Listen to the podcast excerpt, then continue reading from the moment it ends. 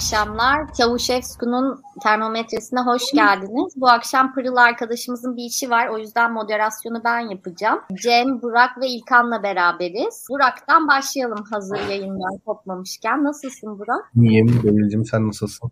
İyiyim ben de. Cem sen nasılsın? Merhaba ben de iyiyim sağ ol. Yayını beğeniyle takip ediyordum. Konuk olmak nasip oldu. Hoş geldin. İlkan?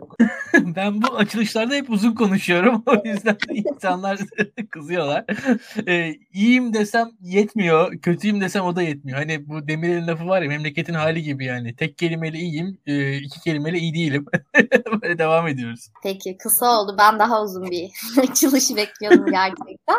O zaman hemen e, başlayalım gündemi konuşmaya. İlk olarak bu Isparta'daki elektrik kesintileri 5 gündür devam eden elektrik kesintilerini sormak istiyorum. Özet geçmek gerekirse Isparta'da 2 Şubat'ta başlayan elektrik kesintileri e, hala devam ediyor. E, kar yağışının ardından altyapının çöktüğü söyleniyor ve e, Vali Ömer Seymenoğlu'nun yerine vali vekili olarak Osman Kaymak görevlendirildi. Yani biz valinin görevden alınmasını bekliyorduk ama vali vekili atandı ve Isparta valisinin Covid-19 olması üzerine yerine vali vekili olarak afetle mücadelenin aksamaması ve kamu hizmetlerinin devam etmesi için eski Samsun valisi Osman Kaymak'ın görevlendirildiğini duyurdu. Yani çok büyük bir skandal. Bence sosyal medyada fazlasıyla konuşuldu, e, hak ettiği ilgiyi gördü ama ana akım medyada e, bir şekilde yer almadı. Burak sen ne diyorsun bununla ilgili?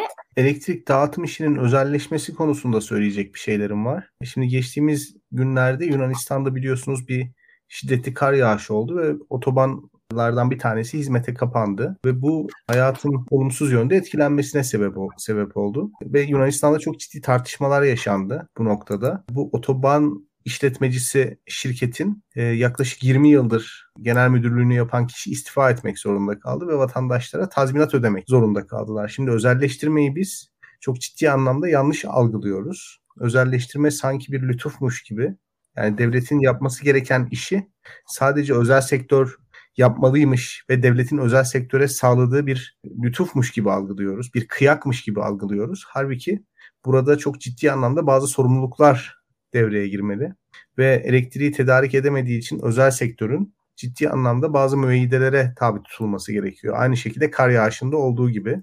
Çünkü bunlar devlet tarafından tanınan bazı imtiyazlar bu imtiyazların karşılığında bazı sorumlulukların da olması gerekiyor. Türkiye'de maalesef bu imtiyazları alan firmalar sorumluluk sahibi değiller. Gerekli altyapı yatırımlarını yapma konusunda çok isteksizler. Hayatın inkitaya uğradığı anlarda oluşabilecek zararı karşılama konusunda çok isteksizler. Dolayısıyla böyle bir e, durum ortaya çıkıyor. Ben burada özelleştirmeden devam etmek üzere lafı İlkan'a vereyim diyorum. Ee, bir de tabii şey var, buranın söylediklerine belki ek olarak bu 24 Ocak'taki İstanbul'daki kar yağışı sonrasında Kuzey Marmara Otoyolu'nun bazı kısımlarının trafiğe kapalı kalması nedeniyle işletmeci firmaya 6.8 milyon lira ceza kesilmişti. Ancak bunun halka bir dönüşü olmadı. Halka sadece yol ücretlerinin geri ödendiği belirtildi. Onu da dikkate alarak senden yorumlamanı rica edeceğim. Bir defa bu özelleştirme perspektifine katılıyorum ama yani olayın bir kısmı bu. 6.8 milyonluk o, o yoldaki kayıp da yani e, objektif olarak bakarsak şu anki benzin fiyatlarıyla şu anki enerji fiyatlarıyla yani bir araba kullanan birisi olarak söyleyebilirim. Yani o kadar on binlerce arabanın yolda bir saat boyunca çalışır durumda ve hareketsiz kalmasının karşılığı bile değildir o. Yani e, çok rahatlıkla söyleyebilirim bunu. E, bir defa onu bir kenara koyalım. E, onun dışında evet ya bu teknik olarak rekabete kapalı sahalardaki özelleştirmelerde yani bu elektrik dağıtım vesaire bu tarz e, şeylerde bu özelleştirme değil aslında. Bu imtiyaz dağıtımı dediğiniz gibi ve e, devletin e, bilgiyen devam etsin isterseniz. Buna benim ben başka evet. tarafından gireceğim çünkü konunun açıkçası. Evet. evet. Yani e, özelleştirme eleştirisi var. Yani insanlar bu tip özelleştirmeye tabii karşı olmakta haklılar. Çünkü özelleştirmeden fayda sağlayan firma herhangi bir sorumluluk altına girmiyor. Yani sanki belirli bir rant belirli kişilere garanti edilmiş gibi bir durum var. Yani mesela bu hayatımızın birçok alanında var. Türkiye'nin politik ekonomisi aslında rantı biraz dağıtmak üzerine kurulu. Mesela bütün otobüsler ya da bütün taksiler kamunun olabilir. Bu çok kötü bir durumdur ama olabilir. Ee, ya da daha serbest, regüle edilmemiş bir piyasa olabilir. Fakat bizim uyguladığımız sistem taksi plakasının veya halk otobüsü plakalarının belirli kişilere tahsis edilmesi üzerine kurulu. Yani rantı bir şekilde siyasi gücün e, zorlamasıyla, siyasi gücün e, enstrümanlarıyla belirli kişilere aktarma ekonomisi bu. E, şimdi bu, bu elektrik özelleştirmelerinde de benzer bir durum söz konusu. Hiçbir sorumlulukları yok bu insanların. Yani aslında kamu adına görev yapıyorlar ama e, gerekli altyapı yatırımlarını yapmaktan imtina ediyorlar maalesef. Maalesef böyle bir durum var. E, yani özelleştirme eleştirisini yaparken de dikkatli olmak lazım. Yani her şeyi kamunun yöneteceği iddiası, yönetmesi gerektiği iddiası da beraberinde şöyle bir noktaya çıkıyor. Yani Adalet ve Kalkınma Partisi'nin atadığı yeteneksiz bürokratların Merkez Bankası'nın yönettiği gibi elektrik dağıtım işinde yönetmesi gibi bir durum ortaya çıkıyor. Yani kamuda birdenbire kamulaştırdığınız zaman çok zeki, çok namuslu, çok dürüst insanlar o işin başına gelmiyor. Yine AKP'nin işe aldığı, AKP'nin tayin ettiği insanlar yönetecek. Orada da yani hani kamulaştırma meselesinde de çok e, böyle birdenbire özelleştirme karşıtı olmamak gerekiyor. Özelleştirmenin neye benzeyeceği, firmaların hukuki sorumluluğu bunlar netleştirilmeli. Maalesef bu konuda bir sıkıntı var. Her zaman olduğu gibi tabii daha da acısı bu olayın.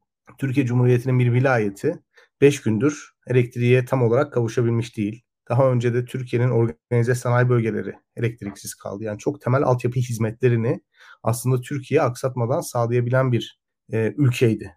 Yani biz bununla e, hakikaten gurur duyuyorduk. Bu programlarda da söyledik. Yani Türkiye'nin altyapısal iktidarı, altyapı kapasitesi çok yüksek dedik. Türkiye'yi bir şekilde e, duraksatan hükümetin e, yani rejim şeklinin e, bu altyapısal potansiyeli harekete geçirememesi olduğunu söyledik. Fakat şu anda görüyoruz ki bundan daha da vahim bir durum var. Yani mevcut rejim şekli altyapısal iktidarı harekete geçirmeyi geçirmeyi becerememeyi bırakın e, tam tersine altyapısal potansiyeli, altyapısal iktidarı da tahrip eden bir e, bir duruma gelmiş. E, yani bugün sanayinize elektrik verememeniz 5 milyar dolarlık bir kayba sebep olabilir. Bugün bir vilayetin 4-5 gündür tam olarak elektriğe kavuşamaması o vilayet ekonomisinin çok ciddi anlamda zarar görmesi demek. Yani böyle bir dünyada yaşıyoruz. Artık bu tip temel altyapı hizmetlerinde bile sıkıntılar yaşandığını görüyoruz. Türkiye bu yola girerse yani altyapı hizmetlerini aksatırsa onu Orta Doğu ülkelerinden farklı kılan ne varsa onu kaybediyor demektir. Yani bunu da açık açık söylemek lazım. Ben Orta Doğu ülkelerini e, çok gezmiş bir insanım. Ya, yani son zamanlarda iç siyaset konuşuyoruz ama benim asıl uzmanlık alanım Orta Doğu siyasetidir. Ee, yani mesela Orta Doğu'da toplanamayan çöpler görürsünüz, yarım kalmış otobanlar görürsünüz, elektrik kesintileri Orta Doğu ülkelerinin alameti farikasıdır. Yani Libya'da, Irak'ta, Suriye'de. Jeneratörler her yerde. Jeneratörler tabii. Jeneratör sektörü vardır. Jeneratör sesi vardır. Yani siz uyuduğunuz zaman şehir suskunlaşır ve bir ses duyarsınız. O jeneratör sesidir Orta Doğu'da duyduğunuz ses. Şimdi maalesef yani Türkiye'yi ayıran özellik yani Türkiye sınırından, Türkiye hududundan içeri girdiğiniz zaman bir altyapısal iktidarın mevcut olduğu bir memlekete gelmiş gibi hissederdiniz kendinizi. Fakat şimdi e, şehirlerine elektrik veremeyen, sanayisine elektrik veremeyen bir ülke durumuna düşmek hakikaten Türkiye'nin o ayrıştırıcı özelliğini yok ediyor. Ee, umarım daha da artmaz ama çok da tabii bu konuda iyimser de değilim. İlkan sen devam etmek ister misin kaldığın yerden? Tabii ki. E, bir defa ben Burak Bilge'nin dediklerine genel olarak katılıyorum. Birkaç e, tık daha e, ne diyeyim ben daha kötümser ve e, daha komplocu bir yerden yaklaşacağım. Tüm bu olan bitenlere. Bir defa Türkiye'de yaşanan şeylerde Türkiye'nin evet bir altyapısal iktidar dediği şeydi. Yani Türkiye'nin altyapı standartlarında bir genel erozyon olduğunu görebiliyorum. Ancak bu yaşadığımız erozyon bu seviyede mi acaba konusunda şüphelerim var. Çünkü hükümetin verdiği ve vermediği reaksiyonlar beni bu noktada şüpheye itiyor. Yani e, bu kadar da kötü olmak zorunda mıydı diye bir soru soruyorum arka arkaya. Yani e, bakılırsa bazı noktalarda hükümet belli reaksiyonları verebildi. Yani şöyle söyleyeyim ben İzmir depremi olmuştu. İzmir depreminde e, ben İzmir'deydim. Yani devletin verebileceği reaksiyonlar o an olarak o an normal verildi Türkiye'de. Yani hani onu söyleyebilirim. Hatta e, belki Türkiye standartında bir ülke için iyi bile verildi. Yani o, ne yardımlarda bir aksama vardı ne bir skandal vardı. Çadırlar hızla kuruldu, hızla kaldırıldı falan. Ya ben burada çok aman tanrım dehşetli bir skandal hem merkezi hem yerel yönetimden görmedim. Onu söyleyebilirim. E, ama e, bazı hadiselerde Türkiye'de enteresan ve asimetrik bir şekilde işler çok büyüyor. E, geçen yaz e, hep birlikte yangınları izledik. Yani yangınları hatırlarsanız beraberce bir ülke olarak birkaç gün izledik. Onun arkasından kamuoyunda belli bir tepkiler çıktı. O kamuoyundaki tepkilere karşı vatan hainisiniz falan e, densin diye resmen tekrar bir hükümet bir şekilde e, müdahil oldu olaya. Ve özellikle Türk Silahlı Kuvvetleri'nin müdahale etme e, ve etmeme e, si noktasında iş uzadı diye düşünüyorum yazın e, gördüğüm kadarıyla ve e, yani bir reaksiyon e, yavaşlığı seziyorum. Şu anki mevcut e, Cumhurbaşkanlığı hükümet sisteminde e, devlet kurumlarının reaksiyon vermesi için e, hali hazırda reflekslerinin e, eridiğini düşünüyorum. Bu e, yani teknik kabiliyetten öte, e, organizasyon kapasitesinden öte refleks sıkıntısı olduğunu, sistemsel bir sıkıntı olduğunu düşünüyorum. E, ve bunun yansımalarını yaşıyoruz biz burada. E, devam edeyim. Yani İstanbul'da yaşananların da e, bir şekilde, yani eğer İstanbul'da yaşananlar başka bir şekilde yani e, İmamoğlu olmasaydı İstanbul Belediye Başkanı veya mesela İlhan Kesici İstanbul Belediye Başkanı olsaydı bu şekilde yaşanmayacaktı belki hükümete reaksiyonlar açısından onu söyleyebilirim. E, veyahut da daha öncesinde de e, İstanbul-Ankara karayolunda e, yolu kapandı. Ankara-Konya kapandı. Yani bana enteresan gelen şeyler oldu. Şu anda da benzerini yaşıyoruz. E, bir defa bunları söyleyeyim. E, toplumsal e, yani hükümetin altyapısal ve organizasyon kabiliyetini ben e, şöyle söyleyeyim e, erimeyi ayrıca şunu da eklemem lazım. Mesela e, elektrik kesintilerinde sanayi bölgelerinin tercih ediliyor olması aslında hükümetin ne kadar e, işi basit bir şekilde halletmek istediğini gösteriyor. Sanayi bölgeleri ölçülebilir yerler, kontrol edilebilir yerler. Mesela diyelim ki e, esnaftan belli bir e, kısıtlama, belli bir tasarruf bekleseniz yapamazsınız onu. Kolay kolay. Onun için bayağı organize olmanız lazım. Onu yapamıyorlar. Veyahut da bu elektrikte yaşanan şey zaten onu gösteriyor. Ee, bir, yani şöyle söyleyeyim ben. E, bir de Türkiye'nin genel olarak enerji fiyatları, elektrik fiyatları, doğalgaz fiyatları hepimiz yaşıyoruz, yaşayacağız. Faturalar geliyor adım adım. E, acaba soruları bende e, tekrar beliriyor. Yani Türkiye'de fiyatları bastırılan ürünler kara borsalaşır demiştim ben geçen yayınlarda. Şu anda belki de Isparta'da elektrik kara borsa, doğalgaz kara borsa diye düşünüyorum. Millet Türk kuyruğunda. Çok da tesadüf değil benim gördüğüm hareketler. Yani ben bir de e, ekonomik olarak oraya doğru gidiş görüyorum. Acaba mı sorusu aklımda. Yani şu an Türkiye'de bir şehirde e, enerji kara borsa haline gelmiş durumda. Öyle ya da böyle. E, fiyatları bastırılan ürünler kara borsa ya düşerler. Şu an biz onu da yaşıyor muyuz acaba sorusu benim aklımda. Bu acaba onun sinyali mi sorusu hala aklımda. Bu ekonomik olarak bir yani Türkiye'deki ekonomik sorunlar da e, bu yaşadığımızın bir parçası mı sorusu aklı. Yani e, ya Isparta'da yaşanan e, kazalar, eksiklikler, altyapı sorunları yani daha büyük bir ekonomik sıkıntının acaba bir makyajından mı ibaret diye bir soru da aklımda diye düşünüyorum. Yani ben daha da korku ve daha da endişe içerisindeyim Burak Bilgehan'a göre değil. Peki Cem sen ne demek istersin bu konuda? Ee, ben e, krizin ele alınış biçimiyle biraz onunla ilgili konuşmak istiyorum. Bu bana çok ilginç geldi.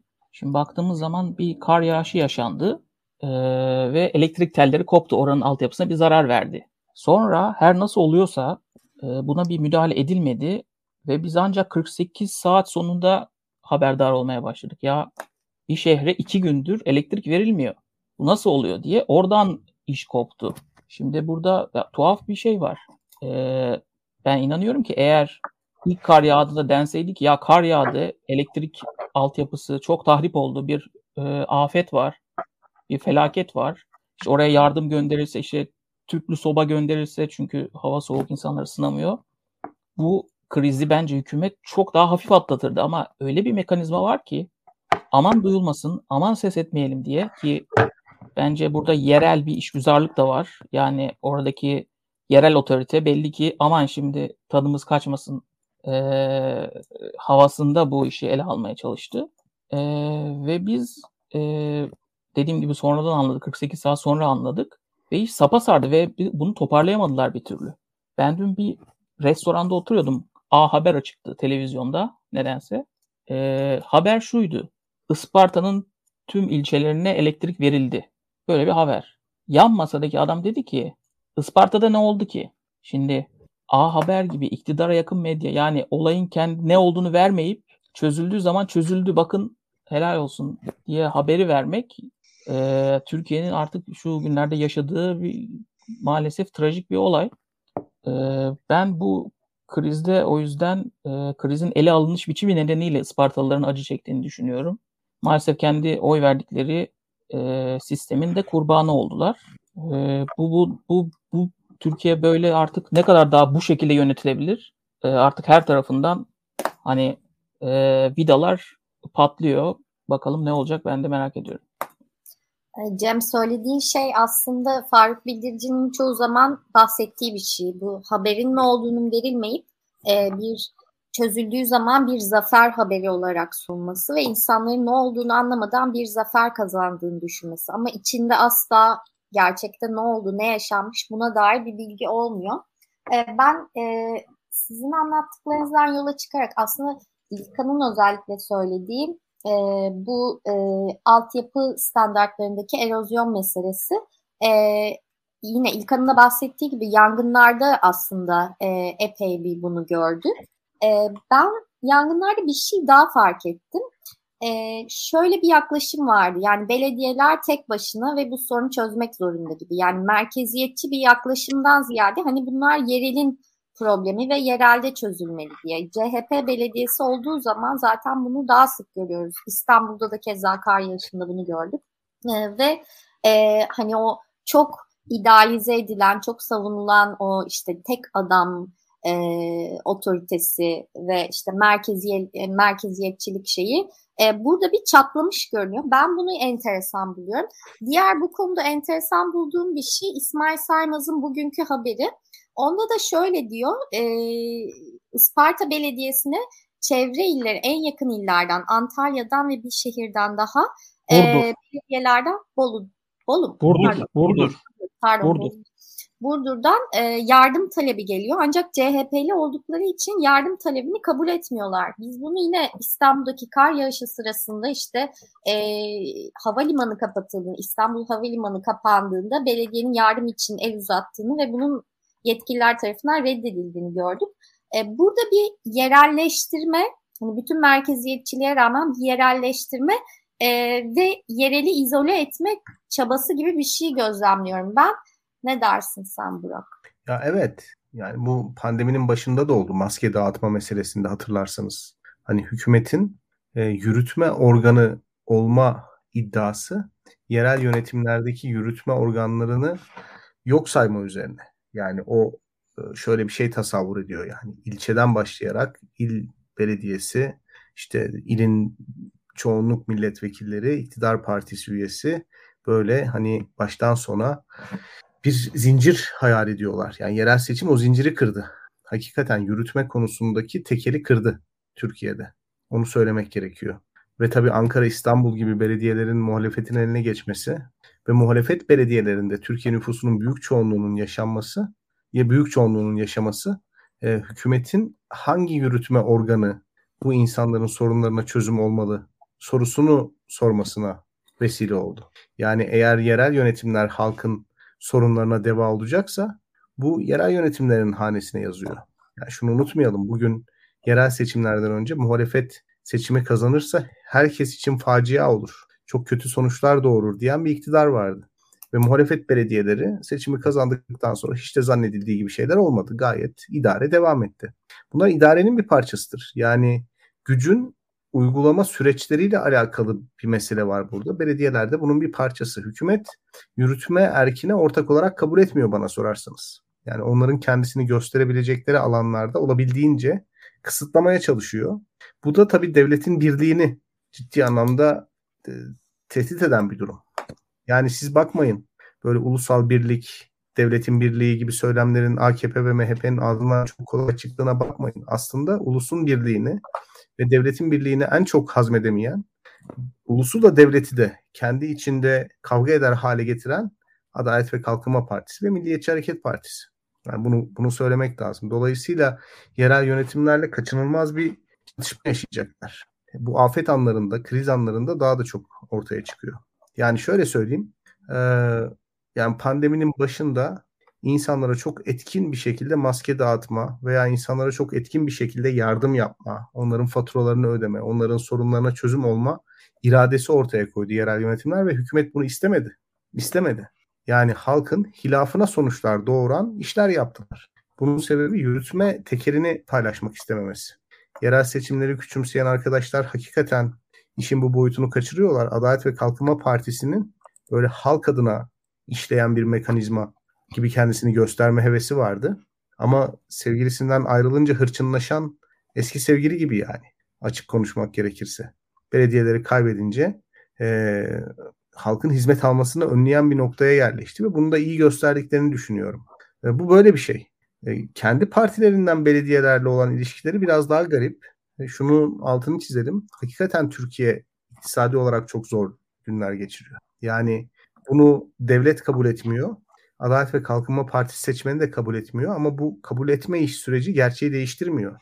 Yani bugün belediyelere aktarılan para Türkiye'nin kasasında para varken hızlı bir şekilde mobilize olup bu meseleleri çözme iradesi artık yok. Yani Adalet ve Kalkınma Partisi'nin elinde de yok. Bu patronaj meselesi çok ilginç. Bu, bu tip sistemlerin anahtarı patronaj ağlarıdır. Bu tip sistemlerin anahtarı kasadaki paranın lider tarafından rahatlıkla harcanabilmesidir. Ve e, hani otoriterleşme literatüründe bunun ayrı bir yeri vardır. Yani parayı çok rahat harcayabildiğiniz sürece bu otoriter ittifak devam eder. Ama şu anda görüyoruz ki o kaynaklar da artık eskisi kadar bol değil.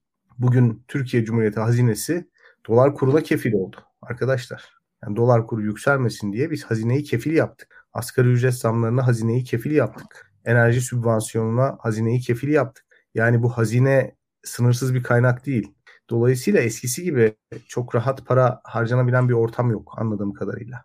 E, o yüzden çok ciddi sıkıntı yaşıyorlar. Burada, Burak'ın söylediklerine ek olarak e, bu hizmet meselesinde mesela e, belediyelerin dağıttığı bursların enge, engellenmesi, yine İstanbul'da taksi meselesinde taksi bulunmamasına rağmen e, yeni taksilerin işte e, göre, göreve alınmaması gibi konularda aynı gerilimleri yaşadık. Ama ben e, kendi şeyimden de tecrübemden de hatırladığım bir şey söylemek istiyorum. Benzer bir şey e, AK Parti ilk e, yönetime geldiği zaman o zaman tabii Toptaş belediye başkanıydı. Ben üniversitedeyken e, ben mesela burs almıştım belediyeden. O zaman da CHP bunu anayasaya aykırılıkla Anayasa Mahkemesi'ne götürüp iptal ettirmişti. Yani aslında bunlar yeni ve e, yeni nasıl diyeyim e, mücadele yöntemleri değil. Yani daha önce de aslında benzerleri e, diğer taraftan AK Parti'ye gelmişti. Şimdi AK Parti aynısını belki de e, CHP belediyelerine uyguluyor diyeyim. Ve İlkan'a sorayım sen ne düşünüyorsun bu merkeziyetçilik, işte yerel yönetimlerin izole edilmesi bir anlamda hem tamam. güçlenmesi Beril, hem... Beril pardon orada aynı şey değil yalnız. Burada iki tane yürütme organının birbiriyle mücadelesi var. Hı. O burs meselesinde yargının yürütmeyle olan gerilimi vardı. Yani yargı kararıyla e, bu burs meselesi iptal edildi. Yani CHP bunun öncülüğünü yaptı. Evet. Doğru. Benzer bir ruh hali ama o ayırdı yapmamız lazım. Burada daha vahim bir durum var. Yürütme evet, erkeklerin yöntemsel olarak aldı. doğru söylüyorsun. Evet. Doğru. Şimdi e, Beril bir defa hani hep söylediğim şeyler ben çok farklı şeyler söylemiyorum. Genelde tekrar ediyorum kendim belki de. Ee, birincisi çok basitçe tek adam rejimlerinin en büyük zaaflarından bir tanesi tek adam olmasıdır. Tek adamın da hani dünyanın en süper adamı olsa da haftası 7 gün günü 24 saattir tek adamı Devam edelim. Tek adam rejimlerinin diğer özelliği nedir? O tek adamı bilgiyi, enformasyonu sağlayan yapılar aslında orada iktidara ele alırlar. Yani siz hani derler ya kral çıplak. Kral çıplak diyebilen insan orada aslında kralın üzerinde bir yetkiye sahip. Çünkü krala bilgiyi veren insandır oradaki hikayede. Yani baktığın zaman o kral çıplak deniyor ya orada aslında o enformasyonu sağlayan insan kralın da üstündedir. Çünkü kralı o yönlendirir. Devam edelim. Şimdi şu anki iktidarda bir enformasyon ağları bozulmuş durumda. Devam, onun ötesinde de iç iktidarda sürekli e, diğer e, alt iktidarların e, iç kavgaları var. O, o, o iç kavgalar sürekli devam edecek. Bu, bu çok doğası gereği devam edecek. E, bu kavgalar içerisinde de hmm, bir ölçüde e, Devlet Bahçeli e, ve MHP'yi bir öyle ya da böyle bir seçmene az çok dayandığı için bir, bir kenara koyuyorum ama onun dışındakilerin de e, hiçbir şekilde seçmen tabanı olmayan, e, seçmen sempatisi olan, seçmen bazında sempatisi olan yapıların kendi iç kavgalarının e, bir algı operasyonlarını birbirlerine karşı çektiklerini düşünüyorum sürekli. Ve o yaşanan algı operasyonları da şöyle oluyor. Yani bu felaket anlarında bazı figürler iktidar içerisinde yıldızlaşabilirler yıldızlaşmaları iktidar içerisindeki diğer figürler tarafından istenmiyor olabilir. Doğru. Çok ee, doğru. Çok rahat bir şekilde böyle bu iktidarın olabildiğinden de daha geriye gitmesini sağlar. Yani e, eğri oturalım doğru konuşalım. Şu an e, Mesela Milli Savunma Bakanı'nın atıyorum Isparta'ya elektrik getiren, o yolları açan bir işte panzerlerin başında olmasını iktidar, iktidar ister mi mesela? Veyahut da İçişleri Bakanı'nın atıyorum e, böyle polis tomalarıyla yangınları söndürmesini iktidar o an ister mi? Yani acaba o imkanları kim kullanacak? İktidarın belli imkanları var. O imkanları kullanacak aktörler var. O aktörlere göre o imkanların ve o, o tercihlerin seçildiğini, e, o bilginin, o enformasyonun e, son karar verici Erdoğan'a sunulduğunu düşünüyorum ki Türkiye Cumhuriyeti olduğundan da daha paralize, olduğundan da daha felçli bir şekilde e, krizlerle karşı karşıya kalıyor diye düşünüyorum. E, ve şunu da e, söyleyebilirim. Şu an işte bizim yayınlarımız sırasında biz Berat Albayrak'ın tasfiyesini yaşadık. Arkasından e, Abdülhamit Gül'ün tasfiyesini yaşadık. E, ve bunlar beğenelim beğenmeyelim yani belli ağırlığı olan figürlerdi. Bakın bu gidişatla ağırlığı olduğunu zannettiğimiz iktidardaki figürlerin ben giderek tasfiyelerin devam edebileceğini düşünüyorum. Onları da göreceğiz önümüzdeki günlerde. Gelecek aylarda belki de. Ve bu e, sürekli iktidarın kendi paralizasyonunu da artacağını, arttıracağını düşünüyorum. Yani atıyorum yargı krizine Bekir Bozdağ mı kendi inisiyatifiyle daha iyi müdahale eder Abdülhamit Gül mü? Düşünelim. Veyahut da finansal bir krize bir anda Bakan Nebati mi müdahale eder Berat Albayrak mı? Daha hızlı bir şekilde. Bu sorunun, bu soruların cevapları aslında iktidarın gidişini gösteriyor bize. Kendi kendine inisiyatif alıp hani beğenmeyebilirsiniz bu insanlar ama e, kendi siyasal kişiliği olan insanların giderek tasfiye edileceğini öngörüyorum ben. E, ve burada da e, iktidarın bu bir yönetim tercihi e, ve daha ziyade e, bu, bu merkezileşmenin de daha geriye gitmeyeceğini, her sorun daha da merkezileşerek çözülmesinin gerektiğini düşünüyorum. Bakalım e, hissiyatım budur benim. E, burada da e, tabii ki Cumhuriyet Halk Partisi belediyelerini, muhalefet belediyelerini daha doğrusu e, olayın dışına çekme çabası var. Bu konuda muhaliflere de şunu da eklemek lazım. Yani muhalif kesimin de enformasyon sağlamak açısından, hadiselerin boyutunu anlatmak açısından kendi yerel e, güçleriyle çok daha iyi işbirlikleri yapması lazım. Yani biz atıyorum e, mesela Kastamonu'da bir milletvekili vardı öne çıkmıştı oradaki e, sel felaketleri sırasında. E, Akdeniz'deki yangınlar sırasında belediye başkanları öne çıkmıştı. E, şu an bir e, bir CHP'li bir Balıkesir e, milletvekili genel başkan yardımcısı nispeten öne çıktı. E, mesela Isparta il başkanı daha fazla öne çıkabilirdi gibi. Yani orada yerel figür kimse e, mesela işte İyi Parti'nin Isparta milletvekili mesela daha fazla öne çıkması lazım. İsmini bizim şu an biliyor olmamız lazım. Herkesin aklına geliyor olması lazım. Böyle böyle anlarda muhalefetin yerel figürlerinin e, kendisi öne çıkıp inisiyatif alıp halka doğru bilgiyi sunup doğru sorunları olduğunu yani iktidarı da bir şekilde yönlendirip e, sıkıntılara işaret eden insanlar haline gelmeleri gerekir diye düşünüyorum. Ee, böyle kar topu gibi ilerliyor sana gelene kadar Cem ama e, şunu da eklemek istiyorum İlkan'ın söylediklerini. E, her konuyla ilgili bir kişi karar verdiği zaman ya da e, bir kişinin etrafındaki kişilerine söyleneceği beklendiği zaman aslında e, hizmet verme, sorun çözme refleksleri de zayıflıyor. Bir anlamda kilitleniyor. Belki Isparta'da yaşadığımızda bu olabilir. Hatırlayalım o zaman e, Erdoğan'ın rahatsızlandığı bir dönem.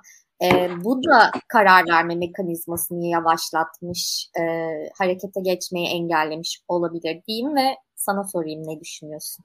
Doğru Erdoğan Covid'ti değil mi? Evet. Ya evet. onu hasta olduğunda düşündüm de e, etkiler mi diye. Sonra dedim ki ya e, zaten telefonla hani işleri bununla götürüyor. Bir eksik olmaz dedim ama Isparta olayında e, işin aksamasında bir payı olduğunu düşünebiliriz. Yani bu kadar da paralize olmamıştı devlet. Şimdi biz ya bu yerellikle ilgili birkaç bir şey söyleyeyim. Ya biz otoriter rejimleri niye sevmiyoruz? Çünkü kendi koltuklarını korumak için gerekirse dünyayı da yakıyorlar. Şimdi e, bu İstanbul olsun, Ankara olsun belediyelerin muhalefette olması çok e, e, iktidarın canını yakıyor. E, çünkü kendisi de yerelden e, güç devşirerek iktidara yürüyen biri olduğu için belediyelerin ve yerel yönetimlerin e, ne kadar etkili olduğunu, ne kadar önemli olduğunu biliyor. Bence e, 90'lı yıllardan çok daha etkili yerel yönetimler. Bu e, iletişim teknolojisinin ilerlemesi onların daha kolay organize olmasına, daha kolay mobilize olmasına neden oluyor. E, benim merak ettiğim özellikle seçim konusunda şimdi bu seçim lojistiğinde büyükşehir belediyesi, belediyelerinin etkisi çok yüksek olacak. Yani e, orayı bırakarak bir e, orayı muhalefete bırakarak bir seçime girmek ister mi? Ben hep bunu düşünüyorum. E, size de sormuş olayım hatta sizin de görüşünüzü merak ediyorum. E, çünkü çok şimdi İstanbul'u düşünüyorum 18 milyonluk şehir. E, yani oranın kaynakları ve oranın lojistiği seçimde gerçekten belirleyici olabilir. E, ben açıkçası hükümetin önemli bir e, konu başlıklarından birinin bu olduğunu düşünüyorum seçime giderken. Hani konuşuyoruz ya seçim hazırlıkları yapıyor, arabanın bakımını yapıyor seçim öncesi diyoruz ya. E, bence bu belediyelerle ilgili bir adım atacak gibi geliyor bana. Nasıl bir adım? Yani onların hareket alanını sınırlayacak e, bir adım atmayı deneyecektir. O kadar söyleyeyim. Çünkü bir soru gelmiş. Kayyum mu gelir diye. Gibi mesela yani o da bir seçenek tabii. Sen ne düşünüyorsun bu konuda Burak? E, belediyelere yönelik böyle bir müdahale olur mu sence? Yani ben açıkçası sanmıyorum. Seçim atmosferine girdikten sonra hani bu kadar sert hamleler bu işin mağduruna çok yarar. Yani e, ya kayyum meselesi biraz ağır bir hamle olur.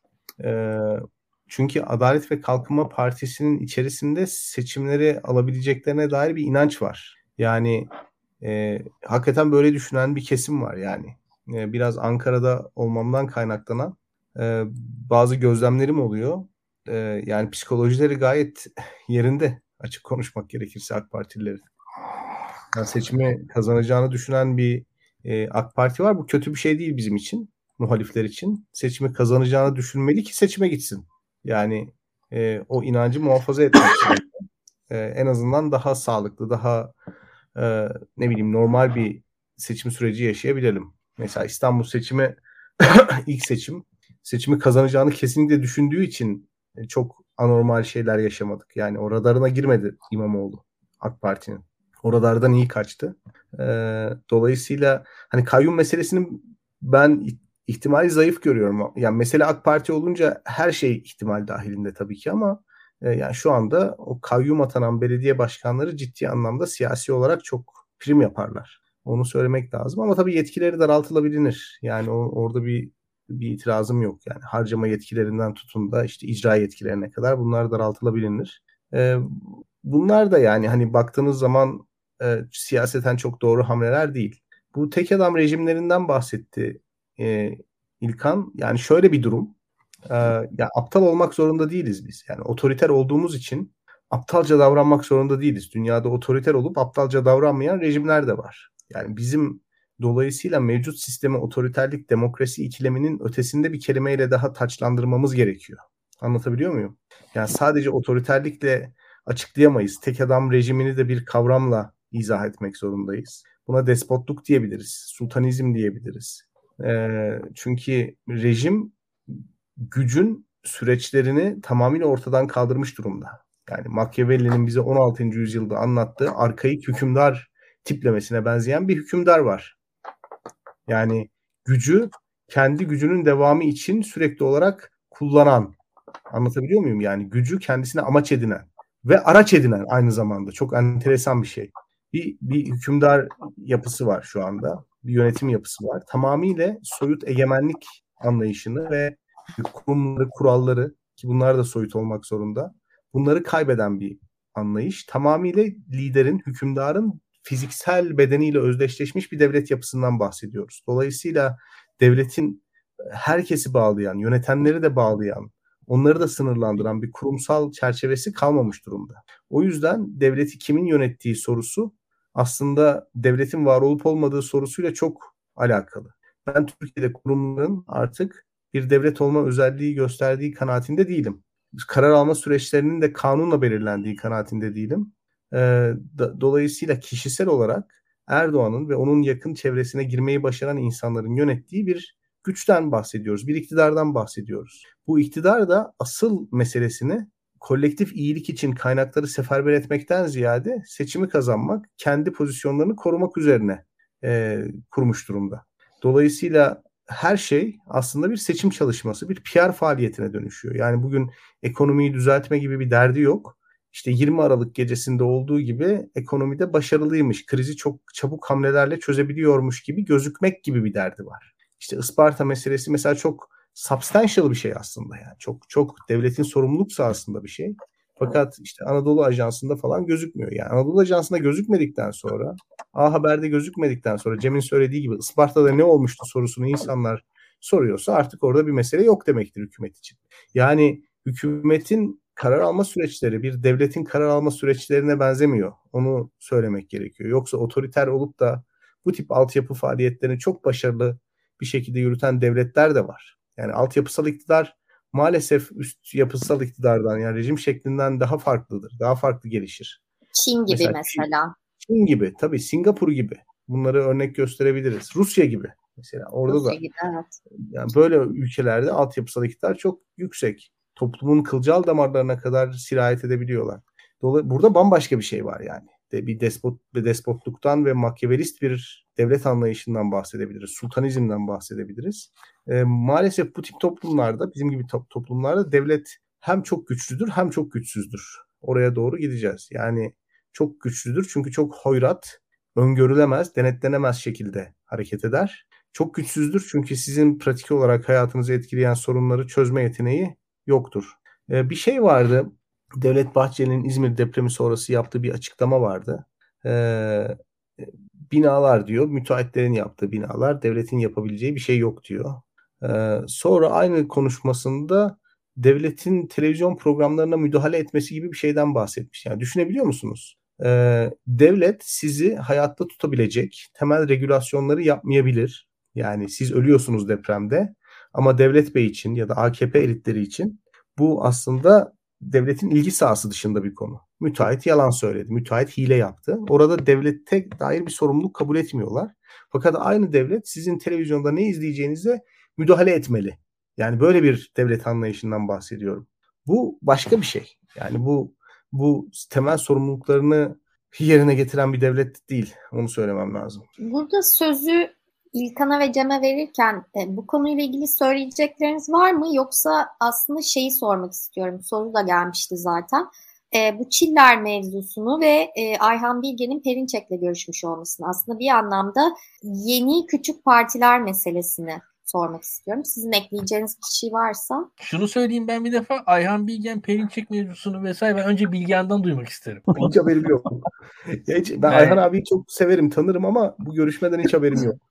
Benden yani Ayhan, bana çok enteresan geldi çünkü. Ayhan Bilgen e, cezaevinden çıktıktan sonra Doğu Perinçek'le bir görüşme gerçekleştirmiş. Doğu Perinçek görüşmeyi doğrulamış, içeriğiyle ilgili bilgi vermemiş. Ayhan Bilgen de karşılıklı görüştük, bir nezaket ziyaretiydi demiş. Çiller meselesini zaten biliyorsunuz. Erdoğan'ın Çiller'i yeni bir parti kurmakla görevlendirdiği kulisi yansımıştı. Ne diyorsun Burak? Bu küçük partiler, Muharrem İnce'nin bir partisi var. Ayhan Bilgen HDP'den ayrıldı, kendi partisini kuruyor. Aslında seçime çok fazla partiyle gireceğiz gibi görülüyor. Tip giderek güçleniyor Türkiye İşçi Partisi. Ne diyorsun? Ya ben küçük partilerin biraz onlardan oynamalarını beklediğimiz rolün dışında daha tahrip edici bir rol oynadıkları kanaatindeyim. Muhalefet açısından. Onu öncelikle söyleyeyim. Ee, yani biz mesela e, muhalefete geçen işte Deva ve Gelecek partilerinden ne bekliyorduk? İktidara karşı makul eleştiriler getirmelerini bekliyorduk değil mi? Yani evet. mesela e, Adalet ve Kalkınma Partisi'nin gerçek misyonundan uzaklaştığı önermesini çok söylüyorlar. Yani Adalet ve Kalkınma Partisi'nin 2018'den önceki performansına pek toz kondurmuyorlar. Çözüm sürecine de sahip çıkıyorlar gördüğüm kadarıyla. yani bütün 2008, 2009, 2010 süreçlerine de sahip çıkıyorlar. E, fakat bunun sorumlusu olarak göstermeleri gereken aktörler var. Yani mesela Erdoğan'ı sorumlu olarak göstermeleri lazım. E, veya Bahçeli'yi sorumlu olarak göstermeleri lazım. Şimdi benim gördüğüm kadarıyla e, bundan da imtina ediyorlar. Yani onların siyaset yapma biçimi e, böyle doğrudan mesela Devlet Bahçeli'ye ve onun milli güvenlik söylemini sorumlu tutmak üzerine değil. Yani milliyetçiliği eleştirecekleri zaman İyi Parti'yi eleştirmek daha böyle tercih ettikleri bir stratejiymiş gibi geliyor. Bu da benim açımdan çok komik yani bir muhalif olarak. Anlatabiliyor muyum? Yani muhalefete Tabii. gelmiş bir partinin milliyetçilik karşıtı bir söylemde bulunacaksa eğer ki bulunsun, bulunmalı. Milliyetçiliğin muhafazakarları, hükümeti kendi içlerinden gelen geldikleri yapıyı nasıl manipüle ettiğini, nasıl bir şekilde yoldan çıkarttığını söylemeleri gerekirken Ve bu partiler daha çok İyi Parti ile uğraşıyorlar ve sanki İyi Parti'nin içindeki işte ne bileyim onun merkez sağ söylemini tahrip edebilecek ya da zayıflatabilecek isimler bir şeyler söylediği zaman çok, çok seviniyorlar. Yani %8'e 9'a inmiş bir İyi Parti mesela çok hoşlarına gidiyor bu insanların. Halbuki yani ben bir muhalif olarak mesela Deva Partisi'nin de, Gelecek Partisi'nin de, İyi Parti'nin de olabildiği kadar karşı taraftan oy alıp oylarını yükseltmesini yeğlerim. Yani muhalefetin özü budur, ruhu budur. Anlatabiliyor muyum? Yani şimdi biz uzun yıllardır muhalif olduğumuz için meseleyi böyle görüyoruz. E, şimdi bu sonradan gelen arkadaşlar daha çok hani partilerinin kısa dönemli çıkarları açısından bakıyorlar ve bu sefer muhalefetten kendilerine alabilecekleri bir şeyler olduğunu düşünüyorlar. Halbuki yani muhalefetin içerisinde CHP'ye gitmiş, İyi Parti'ye gitmiş falan bunlar çok mesele olmuyordu. Millet İttifakı'nın meselesi bu değildi. Mesela belediye seçimlerinde biz bunu gördük. Ama bu yeni gelen partiler biraz muhalefetin içerisindeki ağırlıklarını arttırabilmek için oy kazanmak ve oyu da muhalefetten kazanmak gibi bir strateji benimsiyorlar. Halbuki bizim iktidardan oy getirmemiz gerekiyor. Oy almamız gerekiyor. Öyle değil mi? Orada mesela milliyetçilik karşıtı bir söylemde bulunacaksanız Devlet Bahçeli'ye hedef almanız lazım. Meral Akşener'i değil. Meral Akşener muhalefetin bir parçası. Muhalif bir lider. Meral Akşener'i zayıflattığınız zaman kimseye bir fayda sağlamıyorsunuz. Anlatabildim mi? Dolayısıyla bunu yapmıyorlar. Başka bir şey yapıyorlar. E şimdi Vice meselesinde de gördük. Yani Türkiye'nin bu netameli kimlik meselelerini sanki çok ivedi bir meseleymiş gibi hani çok normal şehirli orta sınıf seküler Atatürkçü insanları konuşulamaz radikallermiş gibi resmetmenin de bir anlamı yok. Yani herkesi yaftalayıp geçmek gibi bir eğilim var bu arkadaşlarda. İyi Partili misin? Faşist. CHP'li misin? Beton Kemalist. İşte HDP'li misin? İşte biz sizinle bir süreci başlattık. Akıllı olsaydınız şu anda farklı bir Türkiye olur. Böyle bir kafayla konuşuyorlar. Ya bu muhaliflik değil. Bu muhalifle, muhaliflerin işine yarayan bir strateji de değil. Öte taraftan hani Ümit Özdağ gibi isimler, Muharrem İnce'nin tabii bu Mehmet Ali Çelebilerden falan bahsediyorum. Onların da muhalefete muhalif olan bütün hani maksimalist bir yaklaşımları var. Bütün partiler birbirinin aynısı. Sarı muhalefet gibi görüyorlar. Bu da değil. Yani bütün partiler birbirinin aynısı değil. Yani muhalefet partileriyle Cumhur İttifakı partileri arasında bir fark var. Onlar da hani sürekli sürekli olarak böyle muhalefeti ahlaki bir noktadan zayıflatma gibi bir misyon üstlenmiş gibiler. Yani küçük partiler bütün enerjilerini muhalif partilerin yerel seçimleri kazanan Millet İttifakı partilerinin dengesini bozmak üzere harcıyorlar gibime geliyor. Dolayısıyla o küçük partiler bize umduğumuz, murad ettiğimiz e, bir e, iktidardan oy getirme veya işte ne bileyim daha aklı başında bir muhalefet partisi kurma gibi bir misyonu yerine getiremediler açıkçası. Onu söylemek lazım. Bunun artık adını koyalım. Ve bakıyorsunuz son olarak da şunu söyleyeyim. Şimdi bazı araştırma şirketleri var. Yani bu araştırma şirketi işi John Key'nin bu son yeni despotizm kitabı geçen hafta da bahsettik mesela. Çok şaibeli işler bunlar. Yani e, araştırma sonuçları üzerinden nasıl iktidar bir şekilde toplumu manipüle ediyorsa muhalefetin içerisindeki bazı odaklar da muhalefeti manipüle ediyorlar. Yani halka sizin bir kanaatiniz olamaz. Siz güçlüden yana tavır alırsınız. Bizim de gördüğümüz kadarıyla X partisi daha güçlü gibi bir şeyler söylüyorlar. Ee, çok manipülasyona açık bir alan oldu muhalefet. Hakikaten son zamanlarda, son 4-5 aydır böyle. Bunun sebeplerini tartışırız, konuşuruz ama ben küçük partilerin performansından açıkçası pek memnun değilim. Ee, ben burada bir şey ekleyerek topu İlkan'a atmak istiyorum. Ee, bana öyle geliyor ki e, da, e, Deva ve Gelecek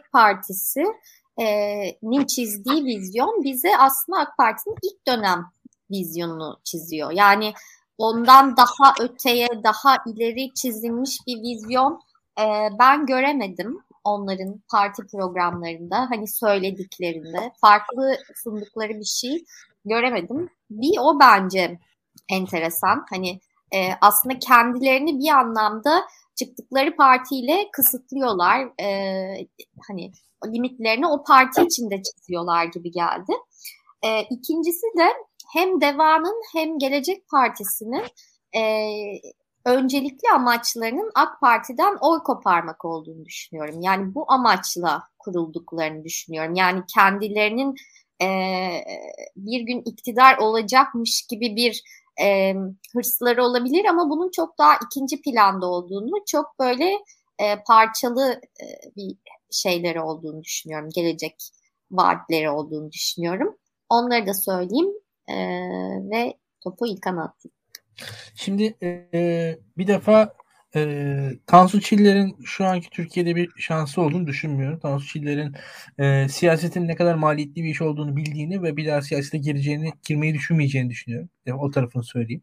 E, o, ve yani e, klasik e, arkası boş çıkan Ankara gazetecisi kulisi böyle ilginç bir isim. Böyle havalı birisi söylerler. İşte Ahmet Necdet Sezer solu birleştirecek falan dersiniz. Böyle bir, bu, acayip bir şeydir. Allah ne oluyor?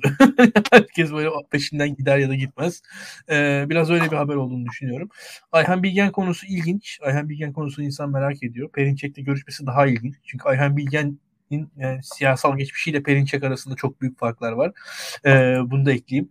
Ee, bu ama şunu şu şöyle bir hikaye var. HDP kapatılacak. HDP kapatıldıktan sonra HDP'nin yerine iki parti kurulacak diye bir hikaye ve birinde Ayhan Bilge'nin yer alacağı ve öncüsü olacağını söyleyen bir senaryo var. Yani herkesin konuştuğu. Yani HDP'li bir tanesi daha merkezde belki birazcık daha daha sağcı e, iktidarla daha yakın e, bir parti. Bir diğeri birazcık daha e, işte klasik HDP çizgisinde bir parti. Belki daha apocu bir parti teknik olarak. Bu da Demirtaş çizgisinin aslında bir şekilde sağdan soldan e, ezdirilmesi yani HDP sonrası kurulacak partinin bir tanesinin daha apocu bir çizgide bir tanesinin Ayhan Bilgen tarzı bir çizgide daha sağ merkez daha İslami bir çizgiye yakın bir parti olarak kurulması ve Demirtaş çizgisinin bastırılması gibi bir senaryo olduğunu söyleyenler var. Tam emin değilim. İşler mi? Çok işlemez gibi geliyor. Genelde çünkü şöyle bir şey var. E, Kürt hareketinde e, absürt bir apoculuk vardır. E, bakarsanız. Çok e, kültleştirmiş bir liderdir. Ve hani Abdullah Öcalan'ın absürt söylemleri de var açıkçası. Bakarsın ne alaka dersiniz. Yani hani bu söylemle bu kitle arasında hiçbir ilişki kurulamaz. Ama o kitlenin aslında Öcalan'la olan ilişkisi e, kült fetiş bir ilişki neredeyse. O çünkü şöyle bir şey var. Kitle olarak kalmanın göstergesi. Yani bir hani e, atıyorum e, absürt bir şapka takarsınız ve o absürt şapkayı takanlar grubu olarak kendinizi ayrıştırırsınız. Biraz öyle bir şey artık Öcalan bence e, yani o Kürt hareketi için. O yüzden de hani Kürt hareketinin kendi içerisinde HDP'de bölünmenin hani bölünmeme refleksinin çok kuvvetli olduğunu düşünüyorum. Onu, onu bölmenin kolay olmayacağını düşünüyorum. Yani hani orada kuvvetli bir bölünmeme refleksi var ve bu e, 40 yılda oluştu, oluşmuş bir refleks e, en azından. E, çok geçerli olabileceğini düşünmüyorum ama böyle bir çalışmalar olduğunu tahmin ediyorum. E, diğer küçük partiler hakkında da şöyle söyleyeyim. E, küçük partilere e, herkes şansını deniyor. E, ve herkes şansını en radikal noktadan deniyor. Absürt iddialar var. Herkes çok büyük iddia böyle kendini çok önemli insan zannediyor. Çok o kadar önemli insanlar değiliz biz. Yani aslında hani biz mesela e, şöyle söyleyeyim ben ya şimdi şu an bizi anlık olarak 200 kişi izliyor ya. Biz o 200 kişinin önemli değiliz. Biz 200 kişi izlediği için buradayız. Biz yayın yapıyoruz yani. Hani öyle bir durum var. Kendisini insan çok önemsememeli yani. O küçük partiler o duyguyu seziyorum ben bir defa. Yani e, tamam hani o e, hayat içerisinde siz orada olmuş olabilirsiniz ama yani siz orada olmasanız başkası orada olacak zaten yani. Onu çok abartmaya gerek yok. Orada olmanız güzel bir şey ama e, bu, burada bir o küçük partilerde o hissi ben seziyorum. Yani e, ve e, muhalefette de şunu göre, görebilirim. Birincisi bu küçük partiler e, hala hala hala Millet İttifakı'na girme, girmemelerini yani bir defa niyet açısından artık ben sorular hale gelmiş durumdayım. E, hatta Ahmet Davutoğlu'nun o Millet İttifakı adı değişmeli falan söylemlerini iyice saçma sapan buldum. Hiç yani ciddiyetsiz hatta buldum. E, bunun dışında e, bu özellikle Deva ve Gelecek Partisi'nin Tayyip Erdoğan'a dair eleştirilerinin Tayyip Erdoğan'ın kişiliğiyle sınırlı, kişiliğinin de bir kısmıyla sınırlı. Yani neredeyse şey biz sadece şekeri yükselmiş Tayyip Erdoğan'a karşıyız falan diyecek noktaya geldi olay. Yani bu, bu artık e, kabul edilebilir bir nokta değil. Yani şöyle bir şey var. Tayyip Erdoğan bu noktaya gelmişse, diyelim otoriterleşmişse, otoriter, otoriterleşebilmiş, otoriterleşebildiği bir alan bulabilmiş. Neden bulabilmiş bunu? O mekanizmalar nasıl çalışmış? Bundan sonra Tayyip Erdoğan'a Abdullah Gül'ün e, engel olabileceği zamanlar var mıydı? Vardı. Neden olmadı? Neden o zaman yarın bir gün aynı aynı koşullar ortaya çıkarsa aynı hikmet hükümet tarzı aynı davalar uğruna aynı adamlar aynı şekilde hangi davalar uğruna Tayyip Erdoğan otoriterleştiyse yarın da birileri o davalar uğruna otoriterleşebilir. Ahmet Davutoğlu hala aynı davadan bahsediyor. o, o zaman o dava oranı aynı e, Ahmet Davutoğlu'nun da Tayyip Erdoğan gibi olmayacağını garantisi yok aslında. Orada birazcık daha yapısal sorgulamalar gerekir diye düşünüyorum. Yani Erdoğan'ın şahsına hani herkes diyor diyorlar işte Erdoğan'a takıksınız, Erdoğan takıksınız. Erdoğan asıl takıklık bu gruplarda var aslında. Yani orada çünkü e, ideolojik veya yapısal bir eleştiri getirmiyorlar. Olayı sadece Erdoğan'ın şahsında birleş, e, küçültüyorlar diye düşünüyorum. Bir defa orada bir eksiklik var ve e, kendilerinin bir de başarılı e, hiç olmamalarının e, nedenlerini sorgulamaları gerekir diye e, ekleyeyim. Yani basitçe o partiler bence e, ittifaka doğrudan girselerdi biz Millet İttifakı'nın kapısını zorlasalardı bir şekilde hani alttan yani bir dalsalardı içine çok daha yüksek oylara ulaşacaklarına inanıyorum bu partilerin.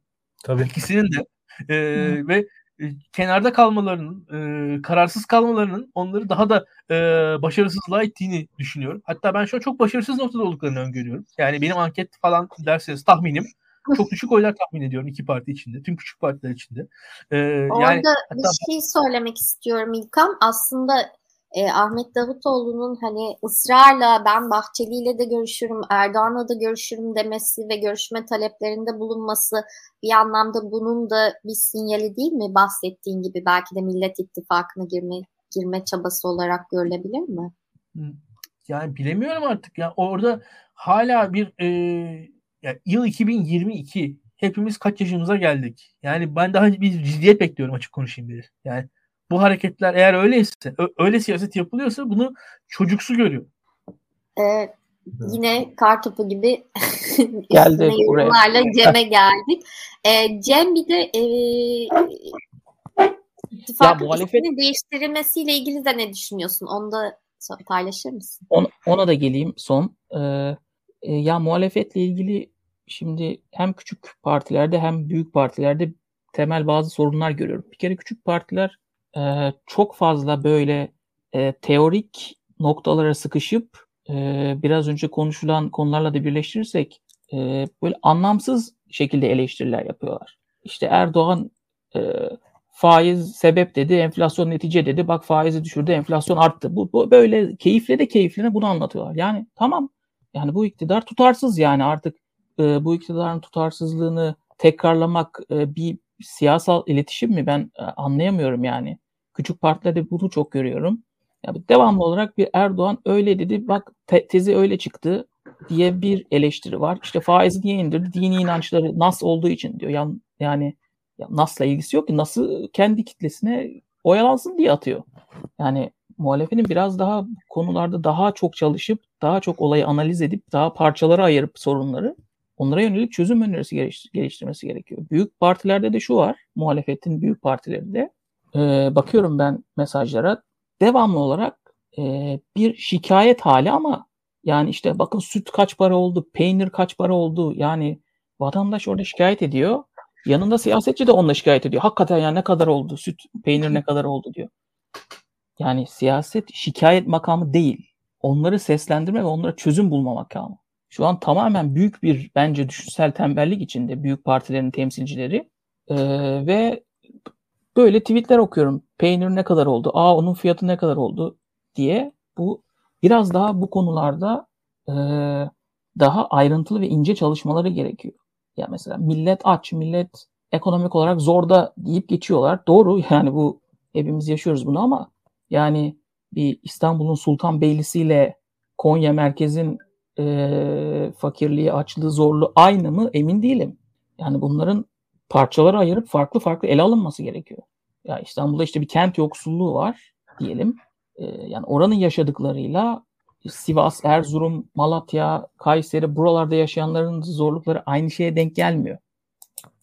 Yani e, Anadolu'da biliyorsunuz tuhaf bir ekonomi dönüyor. Hükümet tarafından e, pompalanan, işte tuhaf tuhaf yatırımlar yapılıyor, millet bahçeleri yapılıyor. Orada böyle yapay bir ekonomi oluşturuluyor ve bir şekilde oradan insanın ekonomik zorluklardan en az yara alması sağlanıyor. E, kentler için böyle değil. Yani buradaki adam karda kışta kıyamette 1.25'li kalk ekmek kuyruğuna girmek zorunda. Yani kent yoksulluğunun e, sefaleti çok çok daha ağırdır. İşte muhalefetin buralarda biraz daha özenli çalışıp biraz daha bu konularda e, ezberci olmaması gerekiyor bence. Biraz kolaya kaçıyorlar, kolaycılığa kaçıyorlar. Ee, biz bunu İlkan'la programımızda hep konuşuyoruz. Hani muhalefet neden risk almıyor? Muhalefet neden hani e, bir adım atmıyor, farklı bir şey yapmıyor diye. E, bunu hep bir şekilde tartışıyoruz programlarda ama şöyle bir gerçek de var bence.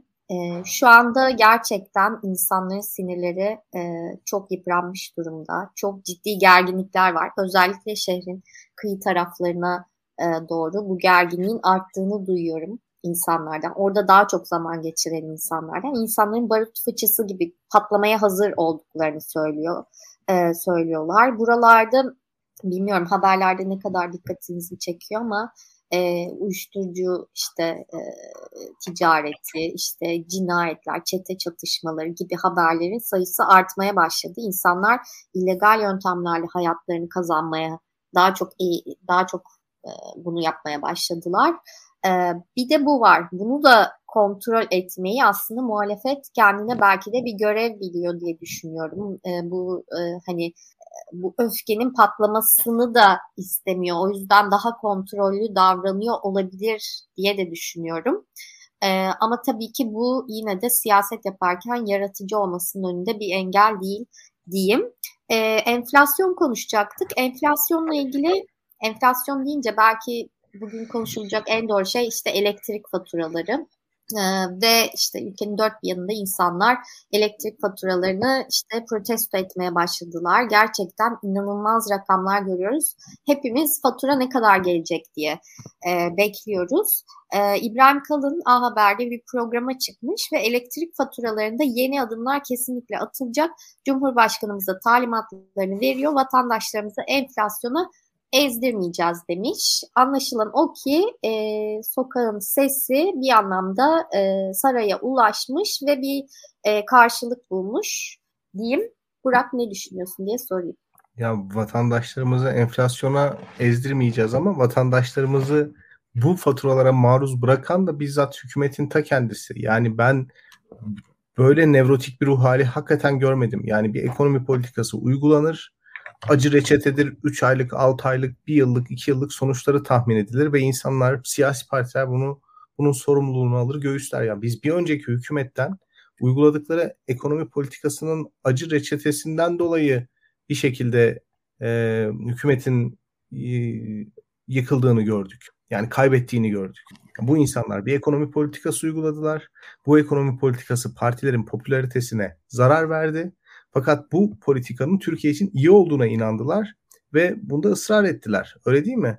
ANAP, DSP, MHP hükümeti.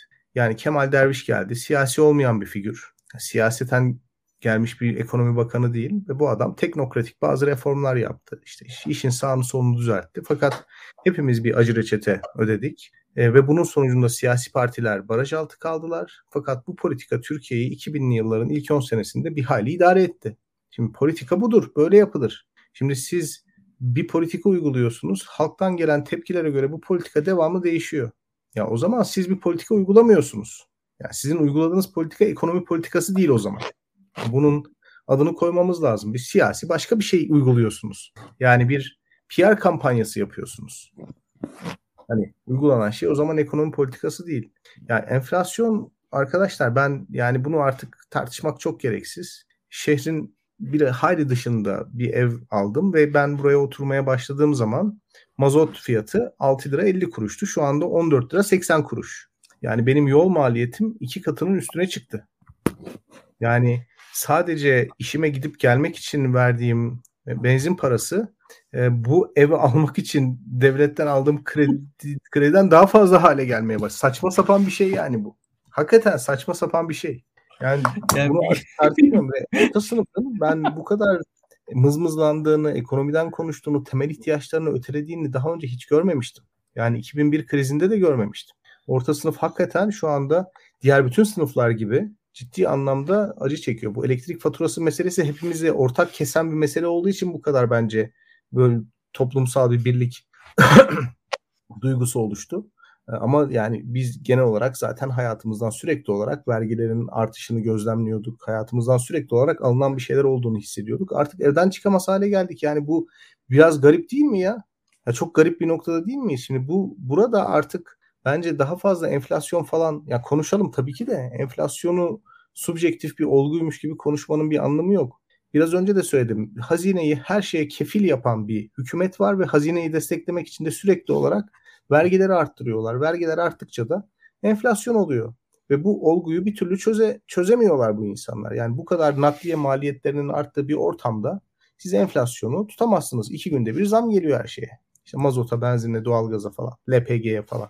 Yani dolayısıyla hani burada artık üzerinde subjektif olarak yorumlanacak bir şey yok. Çok karamsarım ben. Yani bu enflasyonu bir anda düşüremeyeceğiz. Bu zaman alacak. Yani e, o konuda hakikaten daha fazla yorum yapmak istemiyorum. Sadece bir önceki turda bu muhalefetle ilgili bir şey vardı. Yani muhalefetten beklenen şey hakikaten bir arada durması. Yani çok basit bir şey. Ankara'da elitler arasında birçok mesele olabilir, birçok münasebet olabilir. Bunlar arasında çekişme olabilir, barışma olabilir. E, fakat enflasyonun şu noktaya geldiği bir ortamda muhalefet seçimleri kazanır, kazanmalı. Yani bunu bunu bunu söyleyelim. Fakat muhalefet seçimi nasıl olsa kazanıyoruz diye kendi içinde bir siyaset yapma cephesi açarsa dağılmışlık görüntüsü kazara AK Parti'nin tekrar bu virajı almasına vesile olabilir. Yani şunu hepimiz biliyoruz. Yani bu ekonomik yıkımdan bu hükümet sağ çıkamaz. Hükümettekiler de biliyor bunu. Yani sağ çıkamaz. Fakat nasıl olsa sağ çıkamaz diyerek muhalefetin partilerinin seçimden sonraki ganimet paylaşımını ya da seçimden sonraki pozisyon paylaşımını yapmaları ya da geçiş sürecini kontrol altına almaya çalışmaları bence bir dağılmışlık görüntüsü veriyor. Millet İttifakı bana sorarsanız iki ana parti ve bir partinin seçmeninden oluşuyor. Yani İyi Parti'den, CHP'den ve HDP seçmeninden oluşuyor.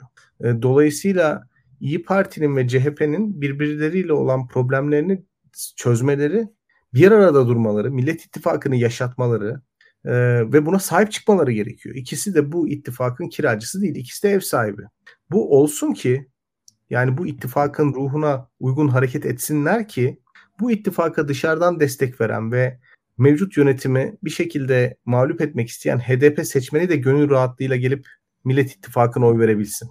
Yani bu, bu bir aradalık, bir arada kalma meselesi çok önemlidir. Türk halkının hafızasında halen daha 90'lı yıllardaki kırılgan, çabuk dağılan koalisyonlar var. Halen daha bu var. Şimdi benzer görüntüyü daha muhalefetteyken vermek, işte ikinci adamlara, üçüncü adamlara, dördüncü, beşinci adamlara bazı beyanatlar e, yaptırmak, bu adamların piyasaya çıkıp konuşmaları falan bence ittifak ruhuna zarar veriyor. Bu ittifakı iki lider kurdu ve devam ettireceklerdir. Öyle düşünüyorum ama bir arada durma görüntüsü, devleti yönetme iradesi hakikaten e, temel belirleyici olacaktır diye düşünüyorum. Yani Seda Demiralp'in bir, bir, bir, birkaç hafta önce yazdığı yazı gerçekten önemli.